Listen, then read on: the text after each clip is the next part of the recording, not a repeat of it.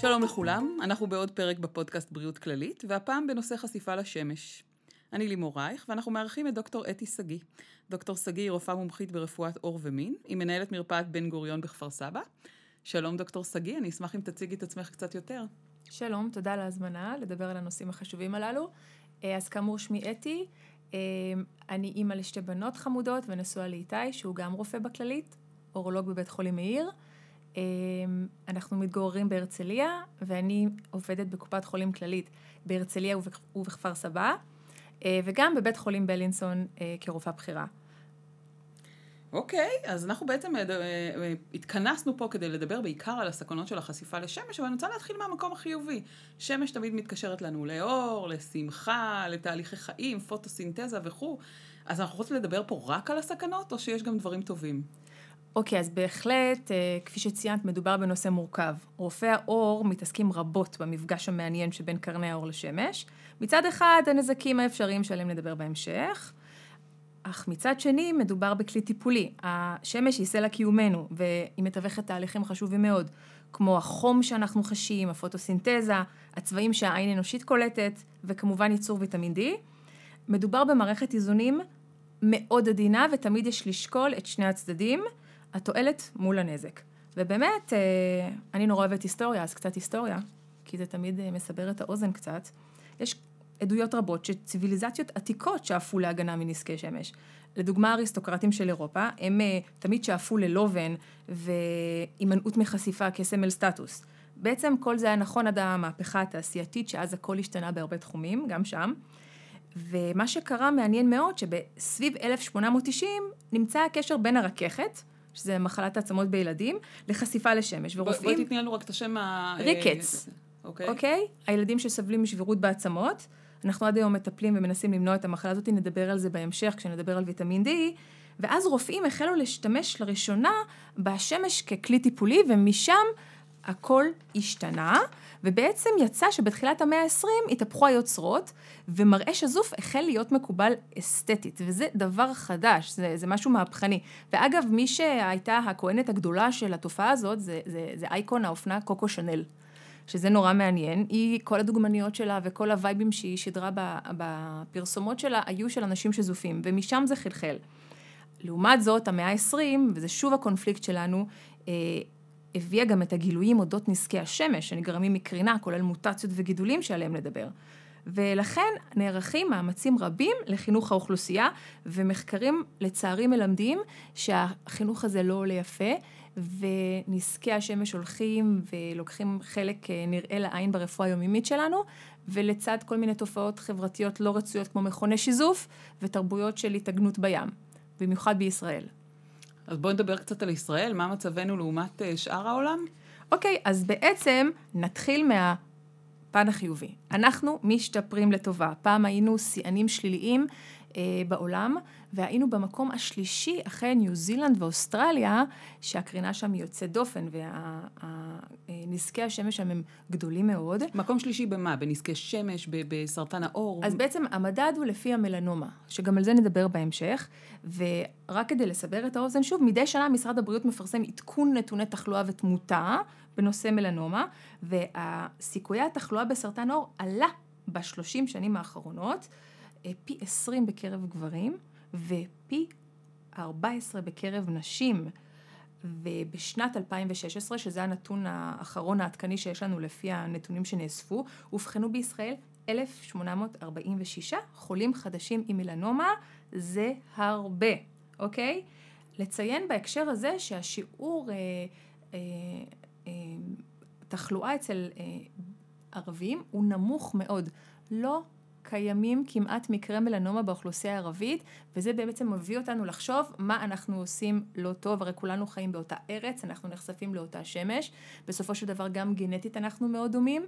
נכון שיש את העניין של ערב רב תרבותי שממנו בנויה החברה הישראלית, הרי אנחנו רואים הרבה אנשים מאירופה והרבה אנשים מאמריקה, אבל בעצם כולנו בסופו של דבר אה, מקשה אנושית אחת, זה מלמד אותנו שההיחשפות אה, וההתנהגות בשמש של הישראלים היא יוצאת דופן לרעה, את מתכוונת של, של היהודים? של לעומת, היהודים. של החברה היהודית לעומת החברה הערבית פה בישראל. אוקיי, אז כשמסתכלים על החברה הערבית בישראל, אבל לא רק, אם אנחנו מסתכלים על שכנותינו, על ירדן וסוריה ומצרים, שם הרגלי חיים והלבוש הם אחרים, הם יותר מתונים, הם יותר שמרניים, אנשים אה, מסתובבים עם לבוש ארוך גם בעונות חמות יותר. ובעצם מתמגנים על רקע תרבותי נקרא לזה ככה, וזה בא לידי ביטוי ומלמד אותנו כמה חשובה ההתמגנות. אה, בשנים האחרונות אני שוב אציין קצת נתונים, כדי שנבין, יש עלייה בשיעור המלנומה בשני המינים. זה בעצם מעיד גם בעצם על אה, גילוי מוקדם של המחלה, בגלל זה אנחנו גם רואים יותר מקרים. העבודה שאנחנו עושים מניבה פירות. אה, ובסופו של דבר, אם אני אתן עוד נתון אחד אחרון אחרון, נכון לשנת 2016 חיו בישראל 7,357 אזרחים שאובחנו עם מלנומה ונפטרו 209 אנשים. שוב, זה מספר חסר תקדים ואנחנו יכולים בעצם ההתנהגות שלנו להקטין אותו. את יודעת, את, את אה, בין האורחים הדי רבים שיש לנו פה בפודקאסט, שבעצם אומרים, אוקיי, יש רפואה, יש מחלה, אבל הרבה תלוי גם בנו. ואת אומרת, גם בנושא הזה של חשיפה לשמש וסרטן ומלנומה, בעצם הרבה מהדברים תלויים לא רק גנטית, אלא גם תלוי בהתנהגות שלנו. זה נכון, זה חלק אה, משמעותי מהעבודה של רופא עור, זה להגביר מודעות. יש גופים בישראל... שהעבודה שלהם היא עבודת קודש, כמו האגודה למלחמה בסרטן, שחייבים לתת להם פה קרדיט, אה, שהם, הווייתם עסוקה בהסברה, וכן, זה מניב פירות, האנשים היותר מודעים, יותר שואלים, ואנחנו כל הזמן צריכים לעשות את העבודה הזאת, ולא לוותר, ובסופו של דבר לזכור שזה מציל חיים. אולי את אבא שלך, אולי את אחיך, אולי את אחותך, אולי את אימא שלך, ואני תמיד חושבת מה הייתי מאחלת למשפחה שלי, וזה מה שאני מנסה להנחיל למטופלים, וזה מה שאני חושבת שרוב הרופאים אצלנו עושים. ו, וטוב שכך, כך נמשיך. אז אפרופו רוב הרופאים, מה בעצם גישת אה, רופאי העור לחשיפה לשמש? אוקיי, אז כמו שדיברנו על מערכת האיזונים הנכונה, אה, מצד אחד אנחנו ממליצים על הימנעות, ואנחנו נדבר על טיב ההימנעות הזאת בהמשך. מצד שני, ברפואת עור, האור, הקרינה, היא כלי טיפולי, הפוטותרפיה. זו הזדמנות טובה להזכיר את המכשיר החדש אה, והמערך החדש שנפתח בבית חולים מאיר, שזה חלק מהמרחב שלנו, ונותן שירות מצוין לתושבי האזור והמחוז. אה, ואנחנו מטפלים רבות ובצורה טובה מאוד במחלות עור דלקתיות, כמו המפורסמת שבהן פסוריאזיס או אטופיק דרמטיטיס ועוד ועוד ועוד. גם שם, בתוך הטיפול עצמו, אנחנו שומרים על מערכת איזונים של חשיפה לשמש, אבל לא רבה מדי, כדי, כדי לא להזיק גם תוך כדי הטיפול שלנו. אה, ומפה הכל פתוח לפרשנויות ולהבנה נכונה ומאוזנת של המציאות. בואי נדבר קצת על אה, סוגי קרינות. אה, קרינה על סגולית, מתי השמש, מתי השמש כן פוגעת בי, מתי לא. אז אוקיי, אז כדי להבין, מהי בכלל השמש, מה, מהי בכלל הנזק, מהו בכלל הנזק שנגרם בשמש, צריכים להבין מה, מהי הקרינה העל סגולית, ה-UVB, UVA, UVC שאנחנו שומעים כל הזמן. אז בעצם הקרינה העל סגולית היא חלק ממנעד רחב יותר של הספקטרום האלקטרומגנטי, שזה בעצם כל האנרגיה שמגיעה אלינו, שהשמש פולטת לכיוון כדור הארץ. כמו שדיברנו, השמש היא אחד מסלעי הקיום של כדור הארץ, שלא יכול להתקיים בלעדיה ובלי האפקט של הקרינה הזו. אז הקרינה הזאת היא איזשהו, מייצגת איזשהו ספקטרום, וזה החל מקרני גמא, קרני איקס שכולנו מכירים, האולטרה ויולט, שלמרות שהם אולטרה, הם בעצם קרניים מאוד קצרות. אה, יש את האור הנראה, שזה כל הצבעים שאנחנו רואים. היכולת של העין האנושית לראות את הצבע הצהוב, את הצבע האדום, את הצבע הירוק, היא אך ורק תודות לקרניים האלו שנשלחות אלינו בטווח האור הנראה. ויש את האינפרארד, שגם כולנו, אנחנו רשומים את המושגים האלה כל הזמן. זה משהו שהוא אלקטרומגנטי. האינפרארד, שלמרות שקוראים לו אינפרה, הוא הרבה יותר ארוך מהאולטרה, האולטרה סגול. אה, ויש גלי רדיו, הנה אנחנו ברדיו, אז נזכיר גם את גלי הרדיו, וזה סך הכל הספקטרום. מכלל הספקטרום הזה, רק הקרינה האולטרה סגולה מגיעה לאור האדם. יש את ה-UVA, את ה-UVB ואת ה-UVC. ה-UVC ומרבית ה-UVB נספגים להם באוזון ובכל מיני מולקולות אה, אה, באטמוספירה של כדור הארץ, ובעצם אנחנו מקבלים את ה-UVA, שזה קרניים ארוכות, שחודרות עמוק לאור, כולל אה, שכבת הדרמיס, ולכן היא גם משפיעה על הזדקנות וקמטים קמטוטים ושקעים ושקעוריות, ויש את ה-UVB שהיא חזקה יותר, קצרה יותר, והיא זאת שעושה את הקביעה בשיזוף. היא זו שעושה את השינויים האדומים על פני האור כשאנחנו משתזפים. זה בגדול. אני שמחה שעשית לי סדר, כי בעצם לא כל כך אה, ידעתי קודם מה, מה כן חודר, מה לא חודר, וממה כן להיזהר וממה פחות. אולי גם בהקשר הזה נזכיר שאנחנו נוסעים באוטו, קרני ה-UVA הן ארוכות והן חודרות דרך החלון. תוך כדי הנסיעה, ומרבית הנזקי שמש זה, זה בחשיפה יומיומית הרגילה. כשאני שואלת את המטופלים שלי, אתה נזהר משמש? הרבה מהם חושבים שפשוט שולחים לים, צריכים להימרח, ולא מבינים שהמריחה וההגנה היא יומיומית, גם על זה נדבר בהמשך, מהו האופן הנכון והמדויק. אז צריכים לזכור שהקרניים האלה עוברות זכוכית, והן חדירות מאוד. ובעצם בכל מקום שאנחנו פונים, אנחנו ניתקל בהן. זאת אומרת, אם, אם אני עכשיו בתוך רכב, יש זכוכית, החלון סגור, המזגן דלוק, זה לא אומר שאני עכשיו מוגנת מפני הקרינה. כן, גם המזגן זה מבלבל, אבל לא קשור בכלל. אוקיי. נגעת קצת בשימושים רפואיים בקרני השמש, אה, בנושא של פוטותרפיה, יש עוד שימושים? אנחנו משתמשים, אנחנו עושים גם טיפולים פוטודינמיים, שזה טיפול שמתרחש בבלינסון, אגב המחוז שלנו, אה, וכמובן בל נשכח את המשמעות העמוקה שיש לקרני השמש בייצור של ויטמין D. אז אה, ויטמין D בעצם קצת בקצרה, ככה לידע הכללי, זה בעצם ויטמין שהוא אחד החשובים לאדם. בפרט בילדים, בקשישים, בנשים בהיריון, הוא בעל חשיבות לספיגת הסידן, כמו שכולם יודעים, וככה אנחנו שומרים על רקמת העצם שלנו. אז בשומ... יש כאלה שקוראים לו אפילו ויטמין השמש. עכשיו, בשונה מוויטמינים אחרים שניתן לצרוך אותם במזון או באמצעות תוספי תזונה, אז הוויטמין D יכול להיווצר בגוף גם אה, על ידי חשיפה לשמש. הסינתזה שלו מתרחשת ממש על האור שלנו. ובאופן מפתיע אני אגיד לך, שלמרות שישראל היא מדינה שטופת שמש, ואולי תדברי על כך עם האנדוקרינולוגים המצוינים שלנו באחד הפודקאסטים, אז שליש מהישראלים סובלים ממחסור בוויטמין D. אז אנחנו רואים את זה באמת יותר באוכלוסיות שיש להן מנהגי לבוש ארוך, ומכסים את הגוף כל ימות השנה, ואנחנו רואים את זה אפילו יותר באנשים כהי עור, כי היכולת שלהם להשתזף היא נמוכה יותר, כי המלנין שלהם מגן מפני השמש. אז בעצם הם צריכים להיחשף לכמות גדולה יותר של שמש כדי לייצר את הכמות הדרושה של ויטמין D. אז אנחנו צריכים לקחת בחשבון שגם ההסבר, המודעות שלנו והמהלך הזה של להסביר לאוכלוסייה עושה את שלו. אז המון אנשים משתמשים בקרם הגנה. גם זה קצת מאט את הספיגה והסינתזה של ויטמין D. כל התהליך התעשייתי של לעבוד במשרדים שהם סגורים, וכמובן גם התזונה שלנו שהיא פחות מבוססת על אה, מזונות שמכילים אה, תעשייתיים ומעובדים שמכילים ויטמין D, שכלומר שאינם מכילים ויטמין D. אז בעצם מה שאנחנו יכולים לעשות זה לא להיחשף לשמש בצורה מוגברת, אני אגיד לך מדוע. כי מספיק חשיפה של חמש דקות ביום על מנת לקבל את התהליך הנכון הזה של, והמדויק של סינתזת ויטמין D. כלומר, אין צורך להישרף בשביל לייצר ויטמין D, ובטח שלא למרוח מקדם הגנה, בתואנה שזה למען ייצור של ויטמין D. מחקרים מראים שאנשים שמשתמשים במקדמי הגנה לא סובלים מחוסר בוויטמין D. ממש לא. מה גם אני אגיד לך שרוב האנשים ממילא לא מורחים באופן ראוי את מקדם ה... את מסנן הקרינה עם מקדם ההגנה, ואז גם ככה יש ספיגה של שמש גם תוך כדי השימוש שלנו. החדירות היא חלקית, כלומר, אבל קיימת. אנחנו נגיע אה, לדבר ככה בנפרד על אה, מסנני הקרינה ועל הקרמים, כי אני חושבת שזה נושא שהוא אה, מאוד מדובר ומאוד מעניין בעיניי, אבל בואו נתחיל מהבסיס. מה הסכנות? את מדברת איתי על איזונים, ואני מבינה שצריך להיות באמת איזון בין החשיפה לבין ההימנעות המוחלטת, אבל מה הסכנות שבחשיפה, בוא נגיד, מעבר לחמש דקות ביום האלה okay. אוקיי. לשמש? אז גם, גם אני, אני אוסיף על עוד הקדמה לשאלה שלך, שגם ככל שאנחנו מתקדמים בשנים, הקרינה היא חזקה יותר, והסכנות שאני כרגע אזכיר הן גם משמעותיות יותר, אינטנסיביות יותר.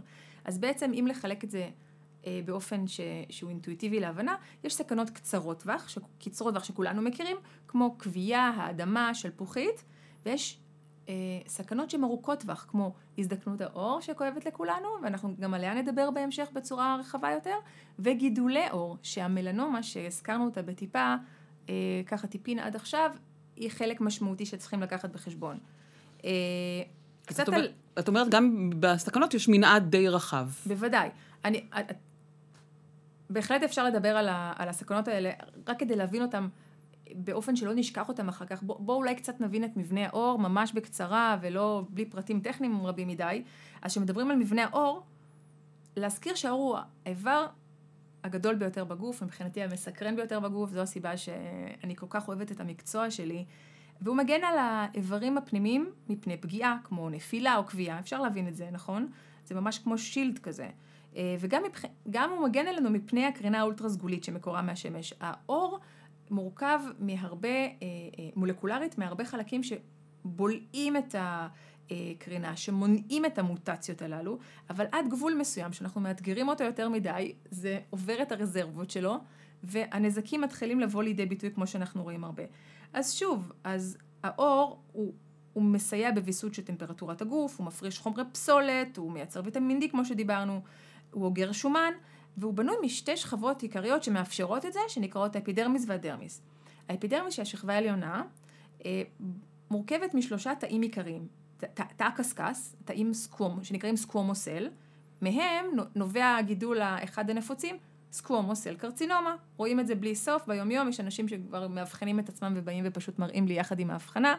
יש תאי בסיס, שנקראים basal cells, ומפה נובע אחד הגידולים השכיחים באדם ומכלל הסרטנים, basal cell carcinoma, BCC, וגם את הגידול הזה הוא גידול מאוד נפוץ ואנחנו פוגשים אותו בלי סוף, ויש את המלנוציטים, שהם אבני מוצא למלנומה. עכשיו, בעוד ששני הגידולים הראשונים שהזכרתי, סקוומוסל קרצינומה ובאזל סל קרצינומה, נקרא להם מעתה בקיצור BCC ו-SCC, הם גידולים שבהחלט ניתן להתמודד איתם. נכון, הם לא נעימים אסתטית, נכון, הם לפעמים, אה, לעיתים קרובות אה, דורשים ניתוח להסרתם, אבל בסופו של דבר, הבן אדם לא ימות מהניתוח וסיבוכיו.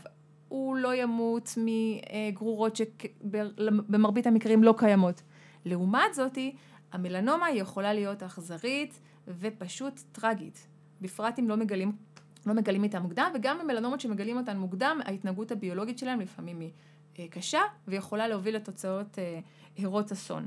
אז המלנוציטים באמת הם, קצת נדבר עליהם כי הם, הם תא מאוד מעניין, זה תא שמייצר פיגמנט, המלנוציט, שהוא מכונה מננין, שכולנו מכירים, והוא מעניק לעור שלנו את הצבע הטבעי שלו.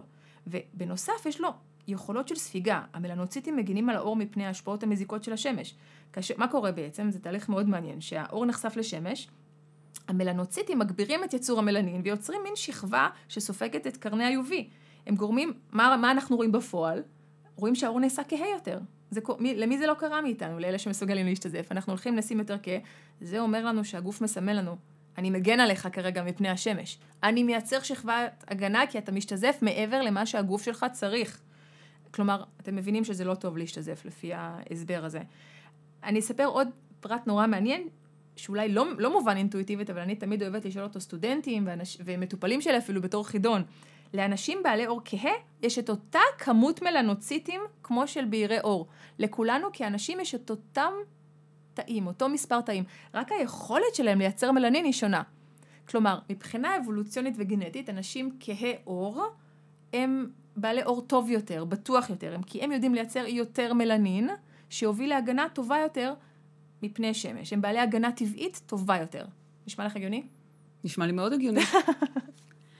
איך אנחנו, אבל בעין לא מזוינת, יכולים בכלל לראות אם יש לנו איזושהי אה, אה, התפתחות של או שני הסרטנים הראשונים שתיארת, שני הגידולים הראשונים שתיארת, או אה, מלנומה? אוקיי, okay, אז כמובן, אחד הקמפיינים שכללית מובילה, והאגודה למען הסרטן מובילה, ומי לא בעצם, היא החשיבות של בדיקה תקופתית אצל רופא עור, וגם בדיקה עצמית אה, בבית, בדיוק כמו שאנחנו ממליצים בבדיקת שד.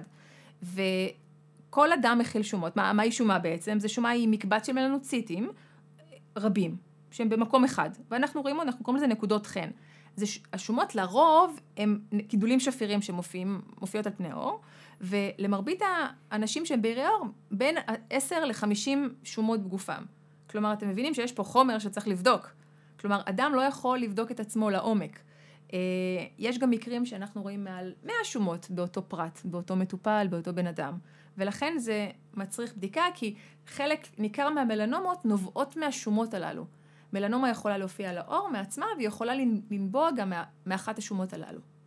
ובבדיקה תקופתית בעצם אצלך, או אצל כל רופא עור, הוא עובר על כל השומות ורואה מה חשוד ומה, ומה נראה תקין. באמת, אני יכולה להגיד לך על הרופאים של המחוז שלנו, באמת, שזה קאדר של רופאים מצוינים, והבדיקות הן מאוד מושקעות, אנחנו בודקים עירום את המטופל, ואנחנו ממש בודקים כלל גופית בכל אזור שאפשר. והמטרה שלנו היא בעצם להציל חיים, זה לנסות למצוא את המלנומה הסוררת הזו ולהוריד אותה בשלבים מוקדמים. בעצם כשהמלנומה נתפסת על ידינו בשלב מוקדם, אנחנו יכולים לשנות את המהלך חיים של אותו בן אדם בכזו קלות. בכזו קלות. מה גורמי הסיכון למלנומה? אז בעצם אה, גורמי הסיכון למלנומה הם רבים. להזכיר לפני הגורמי סיכון, שכל אחד יכול לחלות במלנומה גם בלי גורמי סיכון, אוקיי? בכל צבע עור. אבל גורמי, גורם הסיכון העיקרי, כפי שדיברנו עד עכשיו די בהרחבה, היא קרינת השמש, אוקיי? הקר, הקרניים, ה-UV שדיברנו עליהם, האולטרה סגול, מגיע אה, לאור, לפני האור, ומחולל שרשרת של מוטציות, שבין היתר מובילה גם להיווצרות של מלנומה, אה, שימוש בהרגלים מסוכנים כמו מיטות שיזוף, שזה דבר שנשמע לנו אז לי זה נשמע לא הגיוני שאנשים עדיין עושים את זה, וזה, מסתבר שזה הרגל נפוץ. אגב, בארץ מאוד, ובארצות הברית, לדוגמה בלוס אנג'לס, שאת הולכת שם ברחוב, את רואה שהם כולם נראים כמו תפוחי אדמה אפויים, וזה העבודה של המיטות שיזוף. הסוג אור, ככל שאנשים עם בעלי אור אה, בהיר יותר, הם נוטים יותר לנזקי שמש שדיברנו עליהם. אנשים בלונדינים, אנשים ג'ינג'ים, הם אה, בעלי נטייה רבה יותר לפתח מלנומה. אנשים בעלי שומות רבות. ריבוי שומות זה גורם סיכון, הרי דיברנו שמכל שומה יכולה להתפתח מלנומה, ולכן סטטיסטית אם יש יותר שומות, אז הסיכוי הוא גם גדל. אנחנו מדברים, וזה משהו שאני שואלת כל מטופל, על סיפור משפחתי של מלנומה. האם לך הייתה מלנומה בעבר? האם למישהו מקרבת דם ראשונה במשפחתך הייתה מלנומה בעבר? זה גורם סיכון מובהק. זאת אומרת שיש מרכיב גנטי. יש מרכיב גנטי והוא הוא, הוא ודאי, והאנשים האלה עם מרכיב גנטי, ואנחנו ממליצים להם להיבדק בתדירות שהיא גבוהה יותר. אני בודקת לדוגמה, הגיידלנס האמריקאים הם אחת לשנה לאוכלוסייה הרגילה, ולאנשים האלה אני מבקשת מהם לבוא אחת לחצי שנה. ואנחנו מדברים גם על אנשים עם מערכת חיסון מוחלשת. לדוגמה, אנשים עם HIV, או נשים ש... אנשים שלוקחים אה, תרופות לדיכוי חיסוני. בגלל, בשל כל סיבה, אפילו אנשים שיש להם מחלת פרקים ראומטית ולוקחים איזשהו טיפול ביולוגי, יש להם סיכוי גדול יותר. גם האנשים האלה בהחלט צריכים לחשוב על לבוא להיבדק בשכיחות גבוהה יותר, ולהצטרף לתהליך המומלץ שלנו של גילוי מוקדם. למה זה חשוב דווקא לגלות מוקדם? אני, אני יודעת שבכל מחלה, אה, בטח ממאירה, חשוב אה, לגלות מוקדם. למה דווקא אה, ספציפית במלנומה הגילוי המוקדם חשוב לנו. אוקיי, okay, אז ההתנהגות הביולוגית של מלנומה יכולה להיות אה, מאוד אלימה, וזה מתבטא בין היתר בשליחת גרורות. ברגע שמלנומה הופכת להיות גרורתי, גרורתית, בעצם, למרבה הצער, אין לנו טיפול טוב. זו האמת. אנחנו יכולים באמת לטפל לכיוון של ריפוי, רק כשהמלנומות קטנות, ואז אנחנו פשוט מוציאים אותם. גם פה אין משהו שהוא יותר, אה, יותר מדי מתוחכם. לכן אנחנו מנסים למצוא את המלנומה הזאת בשלבי הסרה ניתוחית. כאשר אנחנו מדברים על גרורות, הטיפולים הם לא מאוד יעילים, אנחנו נדבר גם עליהם בהמשך, אם כי יש חדשנות יוצאת דופן בתחום, והיום אנחנו מדברים על אה, טיפולים ממש בגדר מדע בדיוני חדורי מטרה, שהם מכוונים למולקולה מסוימת, או לתהליך אה, ספציפי, דלקתי, שלוקח חלק במולקולריות של מלנומה. אבל עדיין אנחנו מעדיפים שלא להגיע לשם, כי אז קצרה ידינו. ואחד הפרמטרים שמדגישים את זה מאוד זה ריבוי המחקרים הקליניים. בעצם הרבה מטופלים עם מלנומה גרורתית נאלצים להצטוות לאיזשהו מחקר קליני, איזשהו מחקר קליני.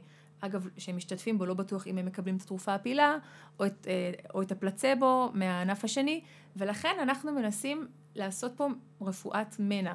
והיא יעילה במקרה הזה. ואני קוראת לכולם להצטרף אליי בעניין הזה, רופאי משפחה ששומעים, או כל אדם שמקשיב עכשיו ואומר, וואלה, לא נבדקתי אף פעם עדיין, ויש הרבה כאלה. לפי הנתונים של האגודה למלחמה בסרטן, חרף כל ההסברות, 30 אחוז מהאוכלוסייה בלבד באים להיבדק. זה חבל. בואי נדבר קצת על איך אה, נראה נגע, ממה אנחנו צריכים להיזהר. אוקיי, אז, אז בעצם אה, אנחנו, אני חושבת שזה גם חלק מהחינוך, אנחנו תמיד מנסים למצוא אה, אה, אה, סמלולים שהם יהיו אה, מאוד נגישים. אז אה, רוב סוגי המלנומה באמת, באמת מתחילים בשינוי בעור. כמובן יש מלנומות נדירות שהן פנימיות או שהן מתחילות כגרורה, אבל לרוב אנחנו רואים את זה בעור. ואז כשאנחנו רואים איזשהו נגע בעור, מה אנחנו צריכים לחשוב? אז יש את שיטת הגימלים שאני מאוד אוהבת, אז גיאומטריה, מתחיל בגימל. אז לדוגמה, שומה לא סימטרית, אנחנו מבינים הכל פה באינטואיציה. משהו לא סימטרי, בוא להיבדק. אגב, לרוב השומה תהיה תקינה. רק צריכים להעריך את הטיבה. אה, הכי גרוע, אנחנו פשוט לוקחים ביופסיה ואומרים וואלה, היה תקין.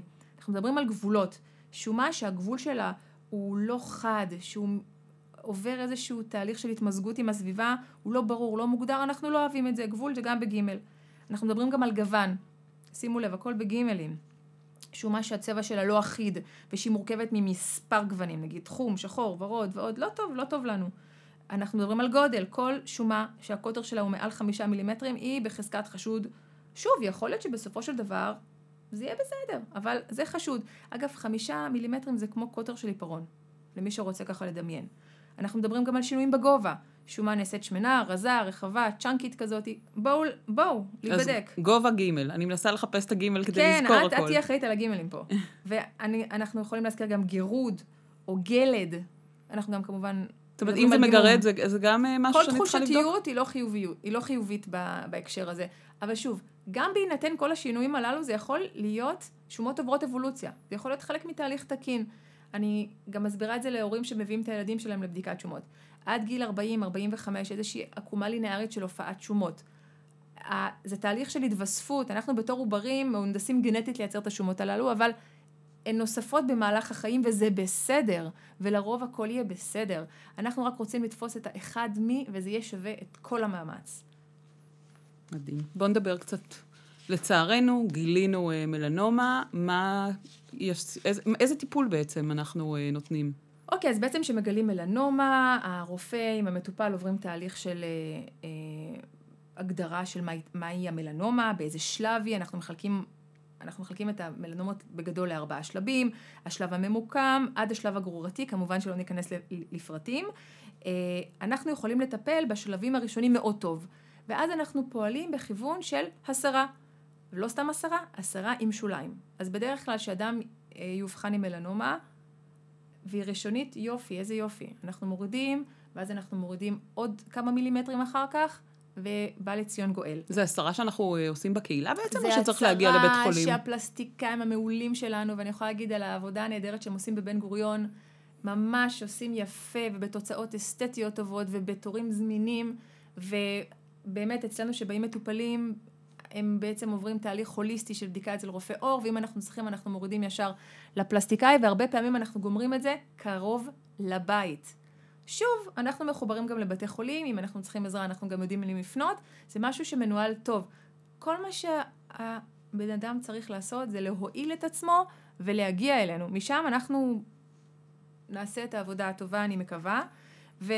אם נסתכל על הקצה השני של הספקטרום, אנחנו מדברים על מחלה גרורתית, שכמובן אף אחד לא רוצה להגיע לשם, ואז אנחנו מדברים על אה, טיפולים שהם חדשניים ביותר, אבל לא מאוד יעילים. אבל שוב, קצת קרן אור, אם פעם לא היו טיפולים בכלל, היום יש כמה טיפולים, כמה טיפ, משלבים של טיפולים, ואני בטוחה שכולם שמעו על המיזם אה, אה, הישראלי של חיסון למלנומה, ש... באמת מגיע להם את כל הקרדיט על כך, זה, זה המוח הישראלי.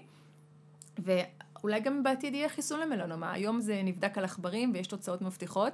ממש החדירו חלבונים אה, שהגוף מזהה אותם כמלנוטיים ויודע לתקוף אותם. כמובן הכל עדיין בעכבר. אנחנו היום מדברים על תרופות ביולוגיות, על תרופות אימונולוגיות שיודעות לכוון למוטציות ספציפיות, אבל שוב, הבן אדם צריך להיות עם מוטציה הספציפית הזו כדי שהטיפול יהיה אה, יעיל עבורו. אז שוב, אנחנו מעדיפים לא להגיע לשם. לא להגיע. אוקיי. Okay. בעצם אם אני קצת עושה לעצמי סדר בראש, יש לנו את הגילוי המוקדם, וברגע שזה רק על פני האור, ואנחנו מסירים הסרה גם קצת יותר עמוקה, אז אנחנו בעצם מסתפקים בזה ובעצם ממשיכים רק מעקב, כדי לראות שדברים לא מתפתחים, אבל אם הגענו לשלב הגרורתי, אז הטיפול הוא אה, יותר אה, מעמיק, יותר, אה, אפילו גם אה, אה, לא חייב להיות אה, שאנחנו נצליח בטיפול, ובעצם אה, מלנומה, אני מניחה, יכולה גם אה, להגיע למצב של אה, מוות. אם... כאשר היא היא בסופו של דבר מגיעה למצב של מוות. היום אנחנו יודעים להשהות את זה במידה רבה יותר מאשר בעבר, אבל אנחנו לא יודעים להציע טיפול טוב למטופל ולמשפחה שלו, וזה באמת מצער, כי התהום פה בין הגילוי המוקדם לבין התוצאות הרות האסון של מחלה גרורתית, הן, הן פשוט בלתי נתפסות. אין לי דרך להדגיש יותר את משמעות הגילוי המוקדם, לא מהמקום של פסיכולוגיה בגרוש ולא מהמקום של קלישאה. זה באמת באמת חשוב, וזה חשוב כמו בדיקות הסקר האחרות, השד והפאפ אצל הגינקולוג והקולונוסקופיה, ומבחינתי זה בדיקה שהיא בקו אחד, אם לא יותר, אה, בחשיבות ביחס לבדיקות הללו, ואני מציעה למטופלים שלי, כמובן בהתאם לגיל שלהם ולמה שהם צריכים לעשות בשלב המסוים בחיים שלהם, לתאם את זה באותה תקופה בשנה שהם יודעים לעשות על זה וי. אתה עושה שד, את עושה שד, את, אה, אתה עושה קולונוסקופיה ואתה עושה גם בדיקת עור. את ממליצה אה, פעם בתקופה להגיע, או רק אם מתגלה איזושהי שומה שהיא חשודה? אני לא חושבת ש, שאפשר להתחרות בניסיון של רופא עור, שלמד שנים מרובות, ויש לו ניסיון קליני ואינטואיציה שהיא מפותחת. זו בדיקה, אני חייבת להגיד שהיא בדיקה מאוד קצרה ומאוד קלה, את מוזמנת לבוא, להיבדק, את תראי שזה בדיקה שהיא תקינה לוקחת דקות ספורות, והמטופל ממשיך בחייו. זה הכל. זו בדיקה מצילת חיים. כן. במעבר חד, אנחנו רגע נסגור את דלת המלנומה ושאר הסרטנים, ונגיע קצת אה, לנושאים אסתטיים. מה לגבי סוגי עור, הזדקנות עור? אוקיי, אז בעצם זה נושא מאוד חשוב. היום תעשיית היופי זה, זה, זה אחת התעשיות המשגשגות בתפיסה אה, אה, היומיומית שלנו, קודם כל בעצם אני אולי אסביר לכם איך אנחנו רופאי העור מאבחנים את סוגי העור. כשאני רואה בן אדם, מה המוח שלי, מה האינטואיציה הדרמטולוגית שלי אומרת, אז בעצם יש חוקר אה, מפורסם שנקרא אה, תומאס פיצפטריק, והוא בנה איזשהו סולם, כמו סולם ריכטר לרעידות אדמה, הוא מחלק את סוגי העור, זה נורא נחמד, הוא בעצם מחלק את סוגי העור לפי הצבע ולפי היכולת להשתזף. מ-1 עד 6, שבו נגיד 1 זה פחות או יותר האנשים הג'ינג'ים והבלונדינים ביותר שאתם מכירים שאפילו לא מסוגלים להשתזף, ברגע שהם יצאו לשמש הם הופכים להיות של פוחית אחת גדולה, עד אנשים עם צבע אבוני ממש, כמו, כמו ניגרים או סודנים או, או, או אנשים שדומים להם, הודים לדוגמה, ואלה אנשים שהייצור מלנין שלהם הוא, הוא כל כך יעיל שהם הם לא, מש, הם לא מסוגלים פשוט אה, להשתזף, הסיכוי שלהם הוא, כלומר הם משתזפים מאוד טוב, הם לא יכולים להישרף לעולם. שכל מטופל עכשיו יחשוב או כל אדם שמקשיב לפודקאסט הזה, איפה הוא נמצא בקשת הזאת. אני חושבת שאני ארבע, מי שמכיר אותי אולי יסכים אולי לא. אני חושבת שגם את ארבע. אוקיי. נאבחן אחר כך את האיש שאיתנו באולפן, אם הוא רוצה. ומה זה אומר בעצם? האנשים שהם סוג אור אחד, הם פשוט צריכים להיזהר מהשמש. רוצה לשמוע קאץ'? גם האנשים שהם סוג שש צריכים להיזהר מהשמש. זה הקאץ' פה. הייתי רוצה לדבר על תת קבוצה נורא מעניינת מסוג אור מספר אחד, שהם הג'ינג'ים, הם מטופלים אהובים עליי. אז הג'ינג'ים בעצם הם שונים מכולנו בכך שיש להם מוטציה, מוטציה בגן שנקרא, בגן שנקרא מלנוקורטין 1, אה, שיושב על כרומוזום מספר 16, וזה עושה אותם פשוט אה, צהובים או, או ג'ינג'ים או כתומים. הם בגלל שהמלנין שלהם נראה אחרת, הם לא מייצרים את המלנין הרגיל שלנו, החומים, מייצרים משהו שנקרא פאומלנין שהוא כתום. ולמרבה הצער, המלנין הזה הוא יותר רגיש למוטציות, יותר רגיש לגידולים, ולכן כמו שדיברנו אה, גורמי סיכון, הם גם יותר רגישים לפגעי עור ולגידולי עור. אז אם אתה ג'ינג'י, גם תבוא להיבדק אחת לחצי שנה, אוקיי? מה עם לבקנים? לבקנים הם קבוצת סיכון יוצא דופן, כי אין להם מלנין בכלל, הם יותר גרועים מהכל. זה גם סוג של, תקשיבו, יש הרבה גורמי סיכון שכמובן קצרה פה היריעה, ולבקנות יחסית נדירה. הג'ינג'ים הם פחות נדירים, הם 1% מהאוכלוסייה. אה, הלבקנים יודעים איך, איך להתנהג, זה חלק מהיום-יום שלהם, ולהם אין ברירה, הם פשוט יישרפו מיד, הם יכאבו. את שאלת את עצמך פעם, איך זה שלאנשים לפעמים יש uh, קצת ג'ינג'י בזקן, אבל לא בשיער? לא. מעניין? מעניין אבל זה מאוד מעניין. אף פעם לא חשבתי שזה באמת משהו מוזר. אז בעצם, כדי... התכונה של הצבע אנחנו יודעים שתלויה היום בהמון גנים ובאינטראקציה ביניהם, וכדי להיות ג'ינג'י אמיתי, כלומר מלא, אתה צריך ששני הגנים יבואו לידי ביטוי, אבל יש אנשים שיש להם את הגן הג'ינג'י במשפחה, ורק הם מבטאים בגנטיקה שלהם רק עותק אחד, נגיד מהצד של האבא או מהצד של אמא, ואז פתאום זה בא לידי ביטוי בזקן שערה, שם שערה, פה שערה. הם גם די ג'ינג'ים, גם הם צריכים לבוא להיבדק. גם הם סוג מספר אחד. לא, הם לא סוג להניח. מספר אחד, אבל יש לך את זה, יש בך את זה. אוקיי, בואי נדבר קצת על הזדקנות האור. הוא-הוא, איזה נושא. בעצם אה, האור הוא, הוא מזדקן עם השנים, אין מה לעשות לגבי זה. והתעשיות רבות היום בתחום הקוסמטיקה וגם בתחום הרפואה מגלגלות הון עתק עתק במטרה להשיב את העלומים לאור המתבגר. אז בעצם הערכת הגיל של האדם והתפיסת יופי מתבססים במידה רבה על איך שהאור שלנו נראה, מה אנחנו מסתכלים, אמרנו האיבר הגדול ביותר בגוף, נכון? אנחנו מסתכלים על בן אדם, אנחנו רואים את האור שלו. אז יש שני סוגים של uh, הזדקנות, אז בעצם יש את ההזדקנות הביולוגית. אין מה לעשות, שזה שילוב של גיל וגנטיקה, אבל יש את ההזדקנות האקסטרינזית, החיצונית, והיא נגרמת מגורמים שאנחנו יכולים לשלוט עליהם, שזה, הם סביבתיים בפרט. שמש. כן, הקרינה, על מה אנחנו מדברים פה בעצם. אז בעצם מה קורה כשאנחנו מזדקנים? מהבחינה הגנטית הרגילה שלנו. זה, אני עכשיו אמנה איזושהי רשימה שאני בטוחה שכולם אה, מתחברים אליה. מופיעים קמטוטים עדינים, אנחנו מכירים את זה. העור הופך יותר דק, יש ירידה בסיבי קולגן, ואז אנחנו רואים כל מיני ירידה בגמישות, רפיון, קמטוטים, אנחנו רואים נסיגה של עצם. המבנה שלנו משתנה. העור יבש, נוטה לעקצץ, אחד הפניות הנפוצות אליי זה יובש וגירות בגוף בקרב הגיל המבוגר. העור שלנו נורא נעשה, אה, מדקק מאוד, נעשה נורא עדין ושביר, ואז אנחנו מדממים ויש את הכתמים האדומים האלה, שגם מאוד מטרידים את הקבוצת גיל הזו. אה, השיער מאפיר, מלבין, וגם מופיעות שערות במקומות לא רצויים. על כל אלה, אין לנו שליטה. אז בוא, בואי נוסיף על כל אלה את מה כן יש לנו שליטה. אוקיי, okay, אז אם אנחנו נחשוב מה, מה הם הנזקי שמש החיצוניים שיש לנו שליטה עליהם, זה הנמשים, וזה הקמטים, הקיים והבירים שיש לנו על הפנים, וגם חלק מהקמטים, הגוון הצהבהב של האור שנוצר, הוא גם משמש, רפיון של האור, אה, מרקם גס ומחוספס, זה גם האפקט של ה-UVA על הדרמיס, השכבה העמוקה של האור.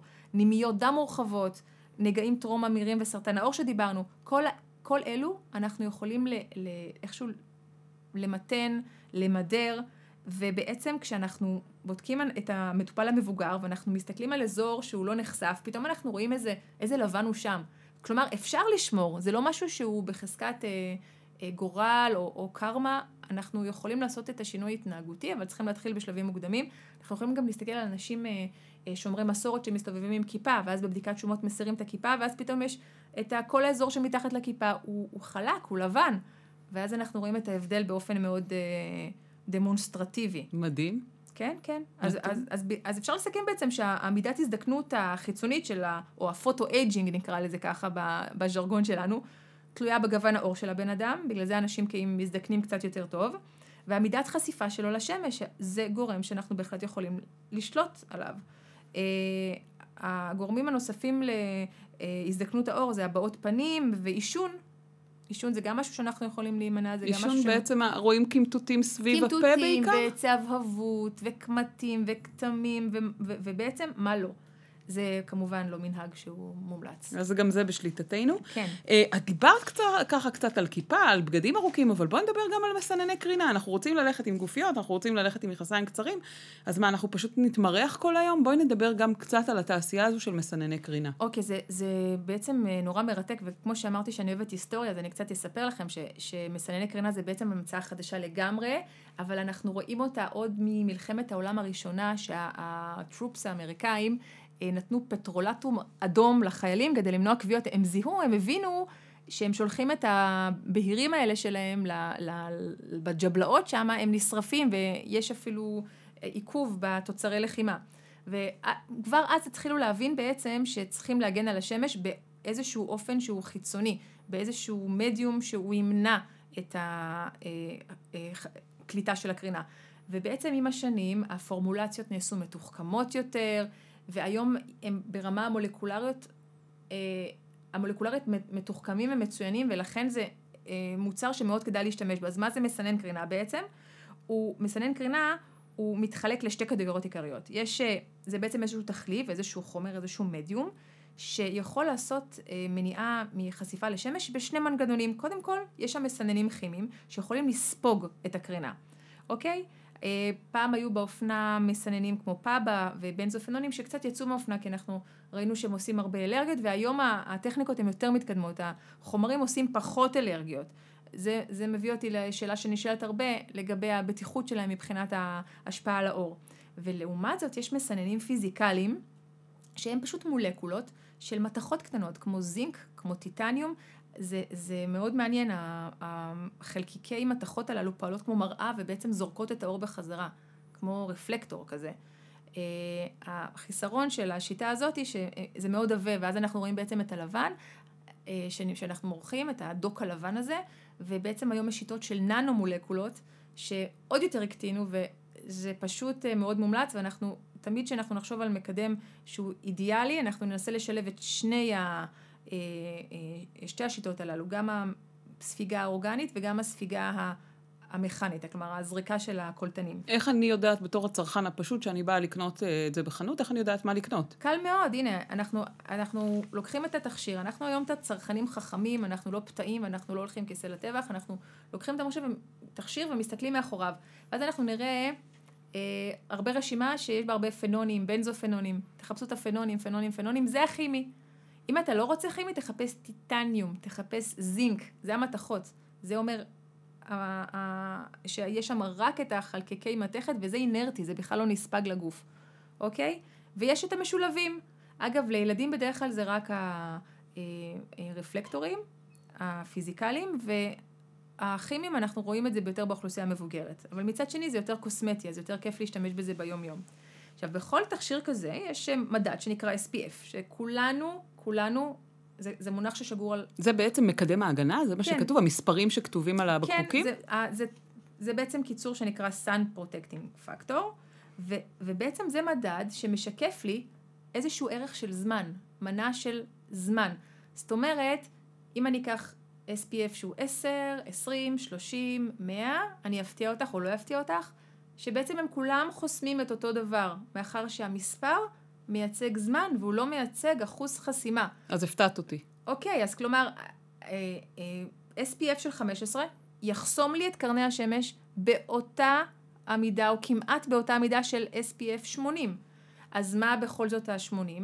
זה מייצג איזשהו פרק זמן גדול יותר שאפשר ל- לעשות שימוש במקדם הגנה הזה, אה, ועדיין להישאר מוגנים, וזה משמעותי. מה גם שאנחנו לא מורחים את הכמות הרצויה של מקדם הגנה, ומראש המספר הוא הרבה יותר קטן. אתם צריכים להבין שכל המספרים הללו של ה-SPF זה משהו שנבדק בתנאי מפעל, בתנאים מבוקרים של מעבדה. כמובן שהחיים שלנו הם יותר מורכבים. שם, בתנאי המפעל, ההגדרות האלה הוצבו לפי שני גרם אה, לסנטימטר רבוע. זה, זה הרבה, זה, זה ממש כפית, אוקיי? אף אחד לא שם כפית על הפנים שלו. עכשיו, אנחנו שמים הרבה פחות, ולכן גם המספר יורד. אז לכן צריכים לשאוף להשתמש במקדמים הגבוהים במידה רבה ככל שניתן. יש הבדל בין התרסיסים השקופים, התרסיס החלבי יותר? כעיקרון כולם תכשירים טובים, אבל אני אוהבת יותר להמליץ למטופלים שלי על התחליבים והקרמים, כי יותר קל לשלוט בהם על הכמות. הספרי הוא בסופו של דבר דק, אני פשוט לא רוצה שיהיו פספוסים.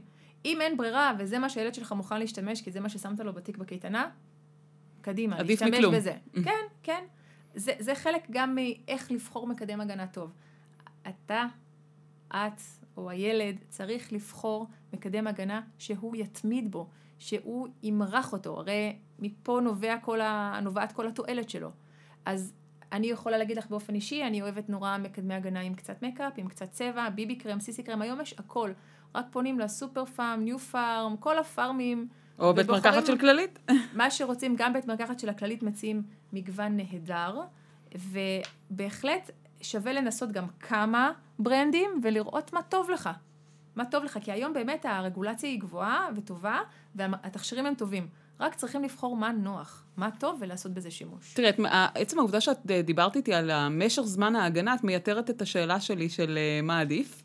אז אנחנו אה, נעבור לשיטות אחרות של התמגנות. חוץ מכיסוי על ידי בגדים ומקדמי הגנה, יש עוד שיטות להתמגנות מפני השמש? אז בעצם זה, זה פחות או יותר מה שדיברנו עליו, אבל השאלה היא איך להשתמש במסנני קרינה, היא, היא באמת מורכבת, כי זה, זה טקס, אבל ברגע שמפנימים אותו, הוא הופך להיות חלק מהיום-יום שלנו. אז בעצם, כמו שדיברנו, יש להשתמש במסנן קרינה רחב, אוקיי? שמכיל לפחות 30 SPF, שהוא מכיל גם מסנן כימי וגם מסנן פיזיקלי, אוקיי? יש למרוח את המסנן בכמות נדיבה. אתם זוכרים שאמרנו שצריכים אה, ליצור איזשהו מעטה שמתאים למה שקרה במפעל שבנו את ה-SPF הזה. צריכים לעשות את זה 20-30 דקות לפני שיוצאים, וכשמגיעים לה, לאתר ה... אה, לאתר השמש. שמש, כן. יש למרוח אחרי פעילות שהיא ככה יותר, ב, יותר רטובה או, או, או מעורבת בעזה, יש למרוח יותר, להוסיף. כל המרבה הרי זה משובח מאוד עובד פה, מאוד עובד פה. אה, קצת על מסנני קרינה בילדים, אוקיי? לילדים מתחת לגיל שישה חודשים אין עדיין את היכולת הפיזיולוגית המלאה לטפל בכימיקלים שנספגים, שנספגים מהאור. כי השטח גוף שלהם הוא גדול יחסית למשקל הנמוך, בגלל זה הראש שלהם הוא גם כזה גדול.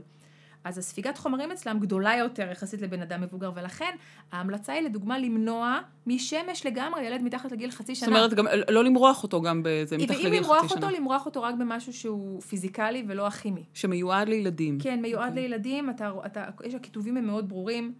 אה, אנחנו, אנחנו חייבים לזכור את הכללי חכם בשמש של אה, השעות הרצויות, באמת להימנע מ-10 עד 4, אין, אין שום טעם. לשים כובע, ביגוד מגן, משקפי שמש. אה, היום אתם יודעים, הביגוד גם הוא נורא מתוחכם. לא כל, לא כל בגד הוא מגן משמש, כי הסיבים שלו אה, בעלי רווחים. יש, אם מישהו שהוא רוכב אופניים, או עושה איזושהי פעילות ספורטיבית, יש בגדים שיש בהם SPF, שהצפיפות של הסיבים היא, היא מתאימה ועברה רגולציה ש, שמקבילה ל-SPF של המקדם קרינה.